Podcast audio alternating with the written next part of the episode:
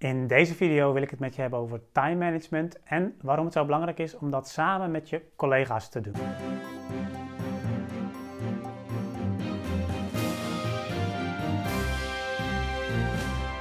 Ja, time management, ik ben er al een heel aantal jaren mee bezig.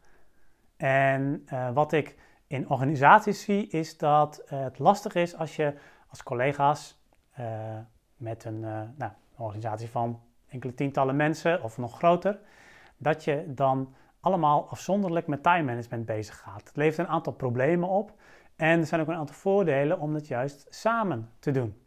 Nou, eerste grote voordeel is natuurlijk als je echt samen aan time management werkt. Dus als jij niet de enige bent of als iedereen op zijn eigen eilandje dat doet. Um, het grote voordeel daarvan is natuurlijk dat je elkaar ook kunt motiveren en dat je elkaar kunt helpen om ook echt uh, ja, weer nieuwe technieken te ontdekken en nieuwe technieken toe te passen.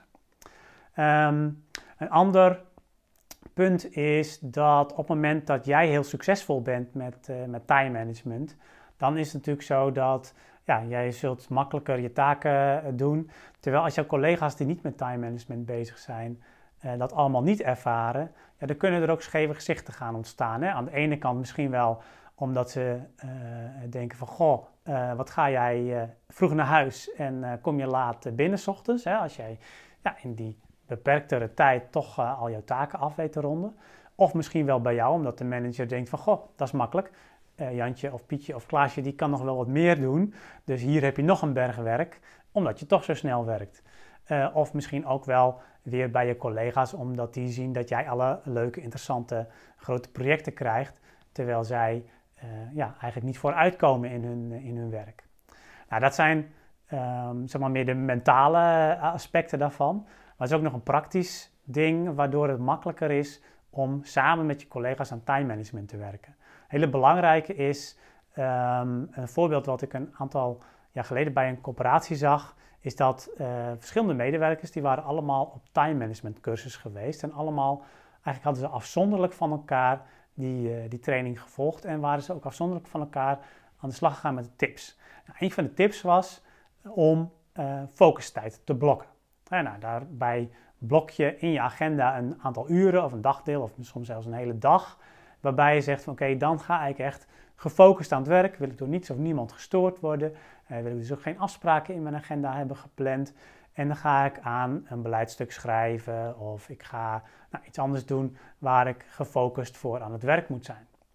En op zichzelf is dat natuurlijk een supergoeie tip dus die zou ik ook zeker uh, implementeren uh, als, ik, als ik jou was, als je met time management bezig wilt. Alleen, uh, het probleem is wel dat op het moment dat je dat met een aantal, nou, dit was een organisatie van ongeveer 30 mensen, en een substantieel aantal, aantal daarvan had dus die time management cursus gevolgd. En op het moment dat iedereen dus die blokken gaat, gaat, in zijn agenda gaat zetten, ja, en je doet dat niet gecoördineerd, ja, de een die zet hem op maandagmiddag, de ander op dinsdagmiddag, de ander op woensdagochtend. En zo uh, kom je al snel in de situatie dat je helemaal geen afspraken meer met elkaar kunt plannen, omdat iedereen op een ander moment zijn focustijd heeft. Nou, uh, dat is natuurlijk uh, sowieso al vervelend. Wat nog vervelender is, is dat daardoor ook die focusblokken eigenlijk geen lang leven beschoren zijn. Misschien heb je dat ook wel eens ervaren als je dit al eens een keer hebt uitgeprobeerd. Op het moment dat jij focustijd blokt, ja, dan doe je dat een tijdje vooruit. In je agenda plan je dat. En dan denk je, nou ja, dat kan allemaal wel, want uh, de agenda is op dat moment nog leeg. Ja, op een gegeven moment begint de agenda toch vol te raken en gaan toch mensen zeggen van ja, maar kan ik die dan niet toch op dat tijdstip uh, even 20 minuten eventjes uh, met je afstemmen, hè? want het is maar 20 minuten.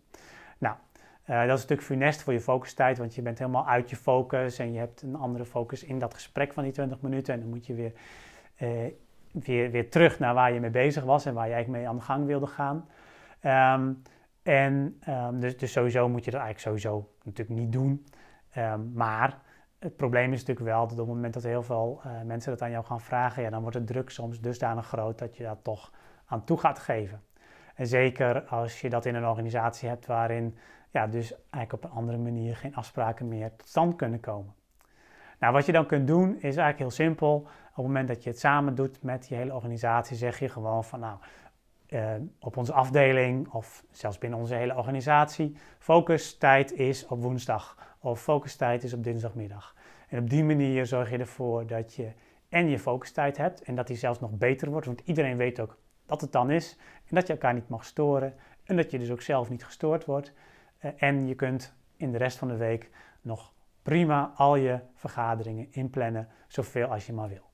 Nou, dat zeg ik met de enige ironie uiteraard, want sowieso moet je vergaderen zoveel mogelijk beperken. Maar uh, dat, kun je dan, uh, dat kun je dan wel doen, heb je nog de ruimte voor en uh, zitten die focusblokken niet in de weg.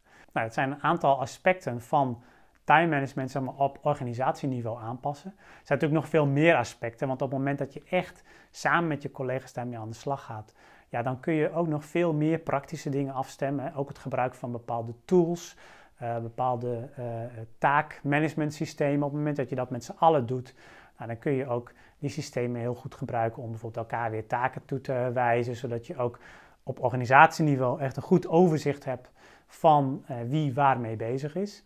Dus dat is ook een hele interessante, ook vanuit het perspectief van het management.